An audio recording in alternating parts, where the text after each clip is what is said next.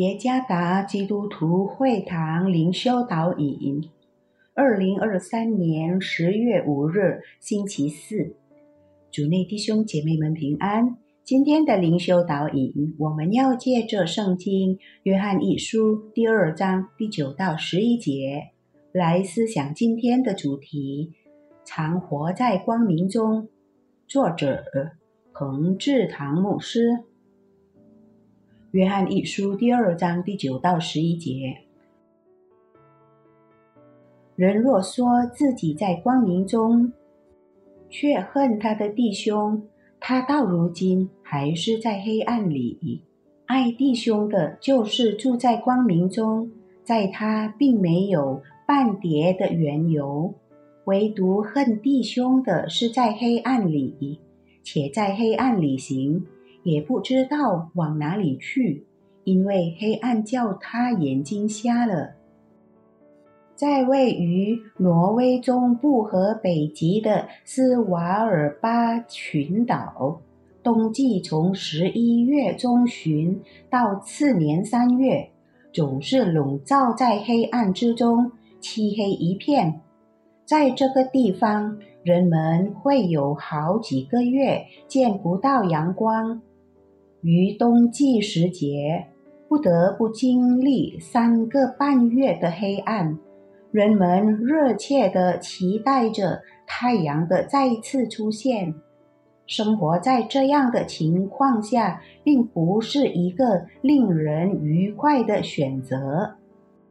使徒约翰在他的第一封信中，更多强调了关于爱弟兄的事。他说。这不是一条新命令，而是一条旧命令，即他们必须彼此相爱，因为对弟兄的爱乃是新生命的记号。另一部分，使徒约翰说：“如果一个人爱神却恨他的弟兄，那么他就是说谎话了。”如果你不爱所看见的弟兄，怎能爱没有看见的神？参看约翰一书第四章二十节。人若说自己在光明中，却恨他的弟兄，他到如今还是在黑暗里，并且那黑暗叫他眼睛瞎了。使徒约翰想要说的主要内容是。爱神的人也必须爱他们的弟兄。如果你恨你的弟兄，那么你仍然活在黑暗中。爱弟兄的人常住在光明中。使徒约翰希望我们活在光明中，即每天在生活中实践爱，特别是对我们主内的弟兄姐妹。你是生活在黑暗里，还是在光明之中？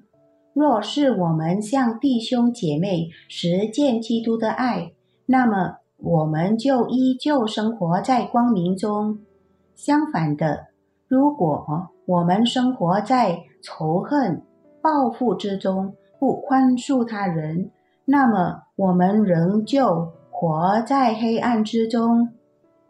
基督降临，救赎了我们，使我们能够活在他的光中，过着彼此相爱、服侍、宽恕的生活。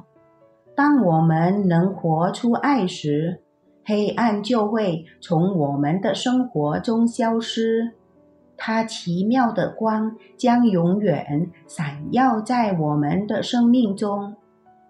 我们的生活将成为周围许多人的祝福。爱弟兄的，就常在光明中。主耶稣赐福。